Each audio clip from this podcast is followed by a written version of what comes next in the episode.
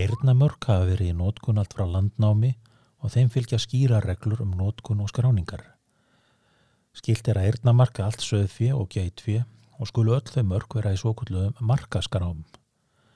Þá eru fólöld viða eirnamörkuð með gamla læginu þó nútíma tækni hafi fyrir all nokkrum árum rutt sér til rúms í rosaræktinni með nótkun örmerkja. Í þessum þætti verður fjallaði markaskrár sem eru órjúmanlegur hluti af söðfjárækt á Íslandi í gegnum aldirnar. Ég heiti Tjörfi Bjarnason og starfa hjá Bændasandungum Íslands.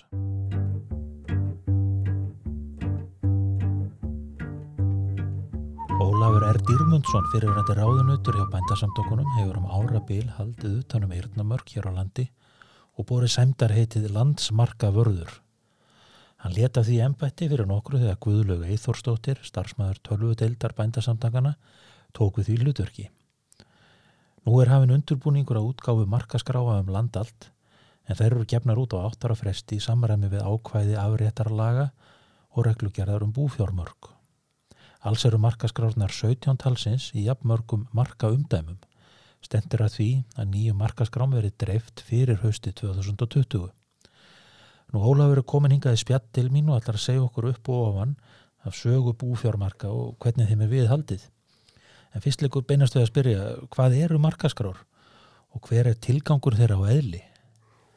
Þessi markaskrárnar eru þá listar eða skrár yfir öll mörg sem hafa verið byrt og eru þá viðurkend samkvæmt lögum og reglum og uh, þær hafa verið gefnar út á prenti reglulega uh, nú á setni áratöfum á 8 ára fresti allar götur frá 1874 um land allt.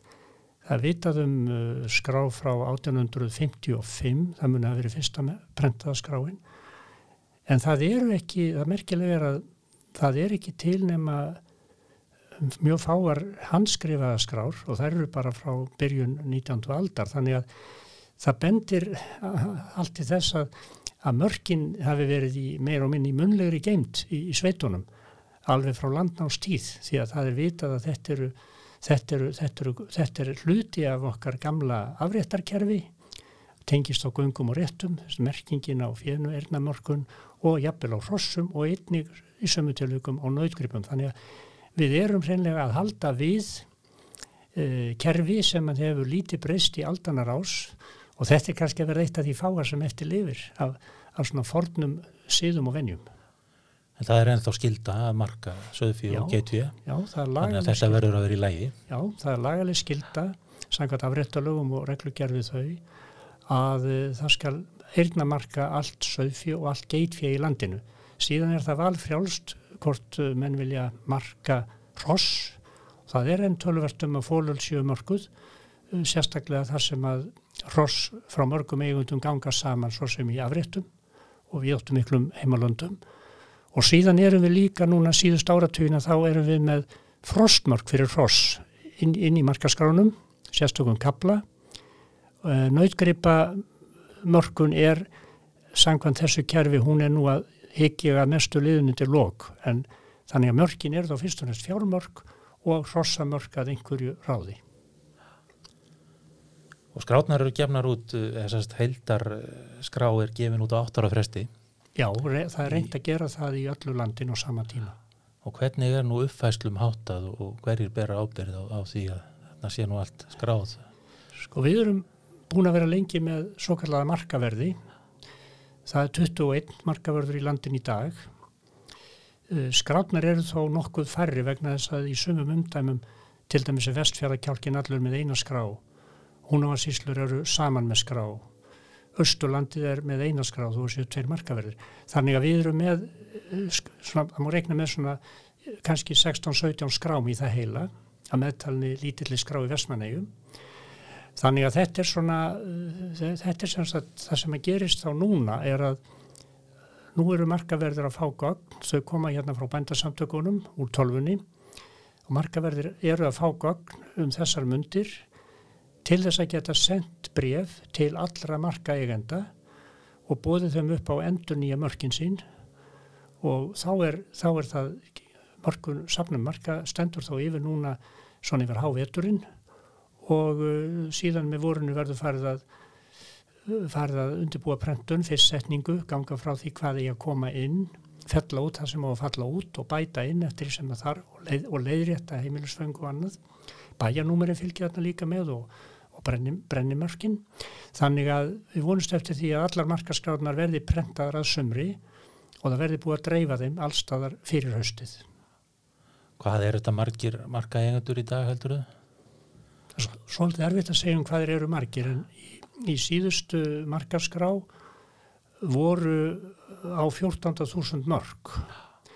Uh, það er nokkuð um það að menn eiga kannski 2, 3 og jafnvel fleiri mörg. Það er til dæmum það, það vissulega.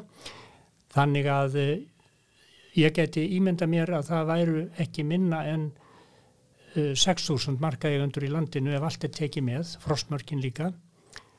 Nú hérna til dæmis í landnámi Ingórs Arnarssonar, þar sem að ég er markavörðu núna, þar eru um 600 markaeigandur að meðtöldum frostmörkum og reynda mjög margir náttúrulega þeim í þéttbíli.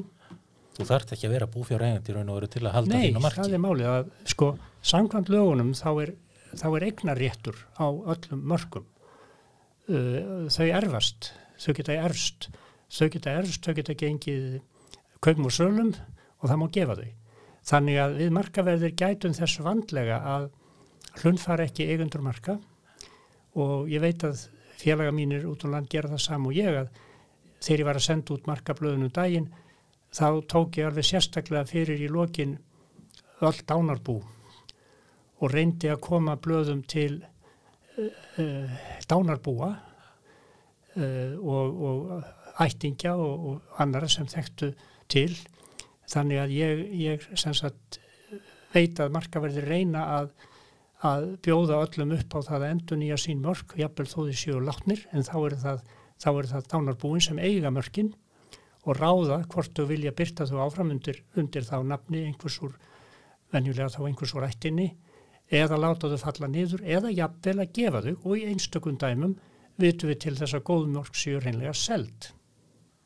Þetta er náttúrulega, þetta eru verðmætt verðmættar eignir, það er lung saga á bakvið mörg mörg og það geta verið nokkra kynnslóðir sem að áttu þig. Þetta eru menningarverðmæti og bæði menningarverðmæti og raunveruleg verðmæti því að góðu mörg eru, eru mikil svirði, það, það, það, er, það eru, eru misgóð eins og við segjum og við viljum gærnan reyna að losna við svona mestu særingamörkin. Þeim fer nú fækandi svo kvöldum soramörkum en um, þau eru samt nokkur til og, og það eru í reglugerðinni eru marka myndir og, við setjum það í setjum það í markaskráðnar þannig að fólk sér alveg hvað er leifilegt að nota af mörgum, hvers konar hýrsbröð og, og hver, hvernig er markað. Og um, einnig látum við fjallskila samþýttir á viðkomandi svæðum í markaskráðnar þannig að það er mjög aðgengilegt í markaskráðnum að að fara í fjallskilarsamþittirna og það er meðal annars eru kaplar á, og ákvæði um göngur og réttir, tímasetningar og slikt þannig að hvar réttirnar eru og hvar tímasetningar og slikt þannig að við erum þarna með svona mjög gaglegar upplýsingar um göngur og réttir í raun og veru í leiðinni í markaskránum. Nú, markaskrána var sett á tölvutækt form fyrir nokkrum árum síðan, þú getur flett upp á netinu en enga síður er hún prentuð. Já, sko þetta, hún fór á netið 2000, 2012 eða 2012-13 eftir markaskrar, síðustu markaskrar útgáfu sem var 2012 þá fórum við með þau mörg inn og, og þá sem sagt mörgin sem koma þá í landsmarkaskráni það eru nákvæmlega mörgin sem koma í nýju prentuðu skránum. Það byggist á þeim. Þannig að þegar að fólk er núna skrá mörgin fyrir markaskránar það er það á sama tíma að hjálpa okkur við að endur nýja hérna tölvutæku landsmarkaskrá. Og, og síðan er á millimarkaskráa á þessum 8 árum þá taka marka, markaverðir við nýjum beðnum um ný mörg eða breytingar á heimilisföngum og slíku eða eignar, eign á mörgum þannig að inn á milli markaskrá er alltaf einhver reyfing á slíku. Og það er uppfært á netinu? Það uppfærum við strax á netinu og við tökum með bæjarnúmerinn. Þau eru mjög mikilvægt því að þau fara inn á plötumerkin og við erum þarna í raun og veru með tvöfaldkerfi, við erum með eirnamörkin og við erum með plötumerkin sumir er með brennimörk líka þannig að við, ég tel að við séum með sko örugasta merkingakerfi á söðfjö í heiminum síðan eru nokkri bændur sem eru að nota örmerki líka þannig að við erum með mjög gott kerfi þar sem við getum ekki aðeins að rækja til eigenda heldur til einstakra grípa.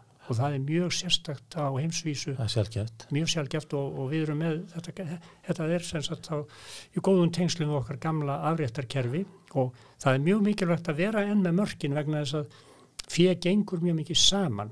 Og þá eru mörkin örg trygging því að plötur geta dottið úr og þá er gott að geta gripið í mörkin uh, og, og fundið eigandan eftir þeim menn horfa náttúrulega mikið á plöturna nú á dögum en mörkin eru samt til að auðvelda hlutina og þau eru líka mjög mikil trygging fyrir eignarétti. En það var nú ekki sjálfsagt að þessu er því haldið áfram, fóru ekki nærri að menn vildu svona koma þess, kasta þessu fyrir róða? Sko við höfum stungið saman nefjum við markaverði sömur og uh, það hefur verið svona nokkuð almenn skoðun og ég, ég sjálfur kann þetta svolítið meðal bænda hérna í mínu umdæmi sem eru Guldbringu kjósasísla og allir köstar á því svæði og árnesísla vestan vatna og nýðurstaðan hefur nú verið svo nú í árað menn vilja fá markaskrar og endar það bundi í lögum. Það er þá að fara að breyta lögunum ef að það verð ekki þannig að það, hvað verður í framtíni það er annað mál. Hugsanlega er þetta síðast að prentaða markaskráin, það er hugsanlega þessi skrá sem kemur út að ári en, en sem sagt netútgáfan hún hefur reynst mjög vel og það var búið til hérna alveg snildalegt forrið hérna hjá tólvudeild bendasamtækana uh, fyrir, fyrir ekki margum árum og þetta var tekið í notkun 2013. Við vorum búin að vera með uh, landsmarkaskráður prentaðar uh, í þrýgang áður. Svo fyrsta var 1989 og síðan komu tvær eftir það og svo þessi sem kom út 2013 og það má sjá meðal annars á þessum skrám að skráðu mörgum hefur náttúrulega fækka tölverð mikið. Það mikið að ef maður skoðar hvað var skráða mörgum uh, 1998 þá eru það um 21.000 mörg en í skráni frá 2013 þá eru komin svona niður undir 14.000 að meðtöldum frostmörkunum. Og ég geti ímynda mér að þeim fækki nokkuð núna sérstaklega eirnamörkunum þannig að það kemur mér ekkit á óvart þegar þú færir svona kannski niður í 10-11 þúsund í það heila En er það ekki skýringin að bændum hefur fækkað og nú líka fækkað? Jú, það er skýring, það er alveg rétt. Og svo hafa menn fækkað þessum svona mörgum. Já, og svo er annað sem hefur skipt þetta miklu málu og ég held að það komi fram núna betur en áður. Við höfum verið með mikið af mörgum í þéttbíli bara hérna í öllum bæjum mörg, mörg skráð hjá mér í Reykjavík, Hafnarfyrði, Grindavík og víðar sem að sum eru endun íð þó að fólkið eigi jafnvel engar kindur. En svo er dáltilhópur að fólkið sem á kindur og þá, þá, þá endun íða það mörgin en við höfum þekkt það bæði hér og annar staðar að fólk er alveg að endun íða mörg og byrta þau aftur þó að afið þeirra hafi notað þau. Og það vil bara eiga mörkin áfram og það er ekkert sem mæli því mót. Þá borgar það bara mörkin inn í skráðnar eins og aðrir og svo kemur fyrir að fólk vilji gefa mörk eða selja og láta þau frá sér. Og við markaverðinni við höldum eftir í lok hverjar útgáfa þá höldum við eftir svona nokkrum tögum marka hver okkar og kollum það markavarðamörk. Og við útdeilum þeim svona á milli skráa Eh, við veljum náttúrulega frekar betri mörk í þetta sem eru laus en við höfum gætna samráð við eh, fyrverandi eigundur um, um notkun þeirra hvernig þetta markavarðamörk og þau eru þá blasa við í landsmarkaskráni og í markaskránum þannig að nýjir fjáreigandur þeir fá venuleg einhver góð mörk hjá okkur eða við bara hreinlega hjálpuðum að finna ný mörk. Hvernig bera þeir segja þegar þeir velja sækjum nýtt mark? Þá er, þá er í landsmarkaskráni er náttúrulega skrá yfir alla markaverði í landinu, síðan er mjög náttúrulega góður upplýsingar um viðkomandi markaverði hverri skrá, þannig að það er netfang og, og sími og, og postfang og allt þetta. Þannig að venjan er svo að sé bara ringt eða sendur tólfu postur til viðkomandi markavarðar. Stundum er fólk ekki alveg klart á því hver er markavarður og þá er gætan það samband hérna við bændasamtökinn til að vita það og uh, svo þurfum við markaverðir alltaf að vera með samstarf vegna þess að við meðum ekki byr, byrta hvað sem er það eru mjög ákveðna reglur um það uh, hvar megi vera sammerkingar og þú tökir bara dæmi hérna hjá mér í landnám Ingóls þá má ég ekki vera með sammert við árnesíslu austan vatna, austan Þingvallavass og Ölfursor og Sóks ég má ekki vera með sammert við Borgafjörð og ekki Mýrasíslu heldur. Og þetta eru mjög ákveðna reglur og við höldum mjög stíft við þetta vegna þess að uh, á árunum svona á nýjunda áratögnum og, og framöndir aldamótin þá vorum við að vinna því hörðum höndum á útrýma svo kvöldum óleifilegum sammerkingum og ég var þá í svona eins konar landsmarkadómi ásand, ásand hérna, um, fulltrúa úr ráðuneytinu og, og fulltrúa frá, frá band, ég var þá fulltrúa úr bandasamtökan og það var fulltrúa frá ráðuneytinu og, og svo höfðum við þreyðja mann í nefndinni og það var það vanilega söðfjárbóndi eða dýralæknir, einhver kunnugur og hann var þá hann var þar, þar á vegum yfirdýrlæknis og við fengum á annað hundrað úrskurðar mál þar sem markaverðir hafði ekki trissið til að skera úrum hver átti rétt á marki á viðkomandi stað og þá voru þetta kærumál sem komið til okkar. Og við dæmdum í eh, á annað hundrað málum og þetta voru þetta voruðum að skila mjög ítalegum greinagerðum um hvert mark og afla mikill upplýsingar. og fyrir kom í nefndinni, við vorum þrýri í nefndinni að fyrir kom í nefndin að við vorum ekki sammála. Og þá kom aðeins fyrir að við hafðum svo hátt eh, á fundum sem voru haldnir í landbúnaðaráðnitinu að ráðnitistjóri sá ástæð til þess að koma og byggja okkur að tala hægar. Skakka leikin og skakka leikin og hafi ekki svona hátt. Það gerðist mista kost einu sinni þannig að það hvað komið fyrir að við skiluðum uh, tveir kannski meirulhut áliti og eitt skilaði sér áliti og meiri hluta áliti var látið döga og það þótti heldur verið að lögfræðingurinn lendi í minni hluta en það kom fyrir. En við vorum allir góði vinnir en það var, það var verulega erfitt að útkljá sumið sem mál og sumir hótuðu okkur málsókn en sem betur fór nú ekki neitt hannig. Nei, mannst einhver, einhverja sögur sem að deila með lustöndum eða er já, þetta best geimt og græfið? Það er í raun og verið er það nú best geimt og sko, geimt og græfið. Já, að því að þetta eru oft, oftar svona vinnur og kunningjar en ég ætla ekki að nefna nefn nöfn en ég man eftir einu marki sem að lendi í samstöði á Snæfellsnesi og í Dölum og Mýrum mjög gott mark og uh, við dæmdum í því og þá tókum við til þetta til ættarinnar, hvað það hefði verið lengi ættinni, þannig við vorum að rekja mörgin alveg aftur eftir 19. öld og ég fór oftar en einu sinni þjóðskjálarsafnið til að leita, fá upplýsingar. Tókum þetta mjög alvarlega en það var þetta bundi í lögum. Síðan tókum við líka hversu það hefði verið lengi í skrá. Svo tókum við til þetta þess hvort þetta hefði verið gefið eða hvort það hefði verið selt og það er alveg ákveðna reglur um þetta í, í lögum og reglum. Við fórum bara eftir þessu En ég mann þarna í sérstaklega í þessu mála Snæfellsnesi að þetta voru nú reyndar vinnur og kunningar sem aðeins tengdust þessu og maður reyndi nú að passa sig á því að jafnvel í einu máli þá vekið sæti í, marka, í landsmarkanemdini bara vegna þess að ég þekkt á mikið til fólks í nemdini. En ég mann eftir það sérstaklega í einu málinu að, að fólk var bara reytt við okkur og, og hótað okkur öllu íllu, við skildum fá á okkur kæru fyrir rángan niðurstöðu og við sögðum bara við þremmenningarnir gerið það bara, það er allt í góðulegi því það er alveg rétti þess, en það gerist aldrei neitt. Þannig að þetta fór nú allt að lóka með fríði og spekt og uh, nótögum eigu ekki vera neinar óleifilegar sammerkingar í skránum, þannig að það sem verðum að passa på núna aftur á móti að hleypa ekki inn nýjum óleifilegum sammerkingum. Þannig að við skulum segja að einhver vilji flytja mark frá mér í landnám Ingóls upp í Borgarfjörð þá verður markaverðin í borgarferði að taka það til skoðunar. Og hann verður að segja til hvort að hann geti byrtað að ef það er komið upp í borgarfjörð þá þarf að fara að taka tillit til sammerkinga í Norðurlandi. Í Húnafarsíslum til dæmis. Og þá, þá, þá þarf hann að taka tillit til þess. Þannig ég segi við mannin sem vil flytja mark þú verður að fara í markavörðin þá í allt vísaði sem markið á að vera á og hann verður að sker úr um það. Og svo getur verið að við markaverðinir verðum að spjallum það saman því að við viljum ekki koma upp nýjum sammerkingum og það er mjög mikilvægt núna, ekkert síður náður, að halda við þessu kerfi vegna þess að sumar varnalínunnar, söðfjárveiki varnalínunnar eru núna hornar í raun og veru eða er ekki haldið vel við.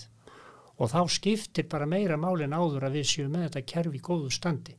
Og litamerkingakerfið er náttúrulega alveg sérstakt, það reynist okkur alveg sérstaklega vel. Við gátum ekki í landsmarkanemdini eh, við gátum ekki hort fram á það á sínum tíma þegar komum upp rættur um það að við höfum að fara að vera með bara eintóm gul merki eins og er í Európusambandinu og við vorum samstiga alveg öll, öll þrjú á þeim tíma í markanemdini eða landsmarkanemdini það kem ekki til greina eðalegja merkingakerfið okkar sem að vekur aðtikli útlendingar sem hinga að koma. Hvenar voru litmerkingarna teknar upp? Litmerkingarnar voru teknar upp í kringu 1970 og það tengist ná um, Söðfjörvíkivörnum. Sigurður Sigurðarsson, dýralegnir, hann átti mikinn þátt í að koma á því kerfi, þetta er mjög gott kerfi og plötumerkin fara þá í ákveðna liti uh, sem að þetta er gríðarlega gott kerfi og, og en það var orðið þannig uh, upp úr aldamótonum að það voru svona einhverjar efasemtur rættur um það að fara að nota þetta ára sérstaklega við færum inn í Evrópussambandi eða, eða Evrópskæfnarsvæði og við sáðum bara nei í landsmarkanemndinu, við skildum bara horfast í augu við það að fá þá að ræða það við Evrópussambandsmenn og við gerðum það. Við fengum hérna, ég man eftir sérstaklega einum fundinum, það er um kynna maður svona rúmur áratögur síðan það var, að það komu hérna tveir eh, eftirleismenn frá, frá Evrópussambandinu í merkingum búfjár, annar var frá Nóri og hinn var frá Spáni. Og við Jón Baldur frá tölvuteldin áttum hérna með þeim fund hérna í húsinum, bænduhallinni og okkur tórst að samfæra um það að við varum með besta kerfi heimi og uh, þeir, þeir sögðu sér svo, já, uh, það eru nú margir hættir að eirnamarka en það eru samt þjóðir innan Európusambansin sem eru að eirnamarka þannig að því hafið allavega frið með eirnamarkin og meðan. Nú varðandi lítina á, á værunum þá, af því að þetta er eiga þá skulu þið ekki tafa ágjörð því í byli. Við látum ykkur viti ef það er ykkur vandamál. Þannig að við fengum að halda þessu en það voru hérna rattir innanland sem voru farin að draga það ég ef að við ættum að halda þessu við en sem betur fer tel ég að okkur í landsmarkanemndinni hafi tekist að bjarga kerfinu þannig að það getur borgað sig að tala við Európa-samsmenn um ákveðna hluti. Það er stundum hægt að fá skilning og annað sem við fengum skilning á þar var það að þeir voru farnir að nota mikið örmerki en þá kom það í ljós og við vissum reyndar að því Európa-reglum að eða var innan við 600.000 vetrafóðras fjár eða skráðs fjár í landinu þá getum við sleppt því. Þannig að við vorum innan við 600.000 og nú erum við rétt yfir 400.000 fjórum kannski kringu 430 þannig að við erum ekki með skildu á örmerkingu en bændum er það frjálst eins og ég nefndi áður að örmerkja og sumir gera það og það kemur þá aukalega og kannski er þá örmerki bara í plötumerkinu, plastmerkinu, það er eiginlega besta aðferðin. Frekar en þessi sett undir húð, það er frekar að í söðfjönu þá sé örmerkingin í sjálfu plötumerkinu en í til dæmis í gælutýrum og hrossum þá er það sett undir húð. Og örmerking hafa nú hérna þau eru þekkt í rosaræktinni mjög, já, þau eru náttúrulega mjög útbreytt í rosaræktinni en svo hafa sumir hestaegendur og rosaræktendur talið sig hafa hagað því að vera með frostmork sem að fara þá annarkvort á bak, svona undir nakk eða á háls. Og við erum hérna með kerfi fyrir slíkt og Það eru svona í kringum, já, alltaf því 500 frostmörk í landinu, mjög mikið hérna á Suðvesturhóttinu, ég er með mjög mörg af þeim hérna á mínum skrám og það er þykir þægilegt að geta séð fross út í haga, ekki síst hjá þéttbílisbúum og margir eiga er með að greina í söndur brúnurfrossin þegar þú eru komin í mikinn fjölda. Og það eru margir sem hafa bæði frossaraktendur og einstakir hestægundur sem að vilja halda við frostmörkunum. En þeir eru örmerkt líka. Það er alveg ljóst. Mm. og sumir eru eirnamarkuð líka þar þau ekki. En örmerki, frostmörkin eru þau eru lögleg mörk og þau eru líka bundin í reglugerð líkt á fjármörkin. Þannig að núna þegar við erum að sapna eirnamarkunum þá gefum við fólki kost á að endur, endur nýja frostmörkin líka En þú sjálfur, Ólafur, hvenar egnaðist þú þitt fyrsta mark og hvað áttu mörg mörg í dag? Ég fjárrækt. ég eignaðist mitt fyrsta mark, uh, ég verið svona 9 til 10 ára gamall. Þá var ég uh, ungu drengur uh, í nöysum í þingi hjá afa mínu Sveinbjörni Jakobsinni og ég mér var náttúrulega gefin kind þegar ég var 7 ára gamall og ég var komið með mark móður minnar, skráð á mig í, í markaskrá um miðjan sjötta áratuginn. Og uh, það var nú alveg svona sæmilegt mark. Tilbyttar að hann hægra kvart og gagbita en kvart er nú svona töluvert það blæði nú töluvert þegar að vera smarka kvötu en þetta mark notaði ég á mínar kindur þar. Ég átti kindur þar í einn 15 ár og þetta var alltaf á mínum kindum en uh, svo þegar ég fór að eignast kindur hérna í Reykjavík 1957 þá tók ég upp mark hér. Og ég eh, tók það upp þannig að það líktist mjög markinu sem var á lömbunum sem að ég og félagi minn eignuðust, fyrstu lömbunum höstu, 2000, þessa höstu 1957 og markið okkar var helrifað og gagbitað sneiðrifað framan biti aftan sem var nú tölverð mikil særing. Og ég egnaðist markatöng og, og markaði þetta eh, sjálfur alveg strax og uh, ég get ekki neita því að það blætti tölverð og ég notaði þetta mark alveg uh, fram, já ég skulle segja, ég vil nota þetta mark alveg í einhver, einhver 20 ár en svo fór ég að finna mér upp uh, finna mér uh, svona vægari mörg Þú vilja ganga undan með góðu já, fordæmi? ég var ég, strax í markaskráni 86 þá náði ég í mark hér í Ingólfskráni í samráði við Hjalta Benediktsson Brunavörð sem var þá markavörður og það var tveir bytta framann hægra og sílt vinstra og, og, og, ég átti brennimark í, í Östur Húnavarsíslu skráni sem var Óldyrm og það var brennimark Ólafsafa úr Vestur Húnavarsíslu og ég notaði það hérna og prentaði það á, á álplöturnar í eyrnamörkunum. Og þá segir Hjalti við mig þegar ég er að velja með marki tveirbytta framann og síld þá segir hann, vilt ekki stitta brennimarkið? Og hvað á það það að vera og það var bara að vera ódýr. Og ég létt búið til nýtt brennimark. Og svo var ódýr á kindunum mínu hérna í mörg ár. Og það var óspart leið í réttunum. Þetta er góð loka orð. Ég þakka þið kærlega fyrir komuna, Ólafur. Takk fyrir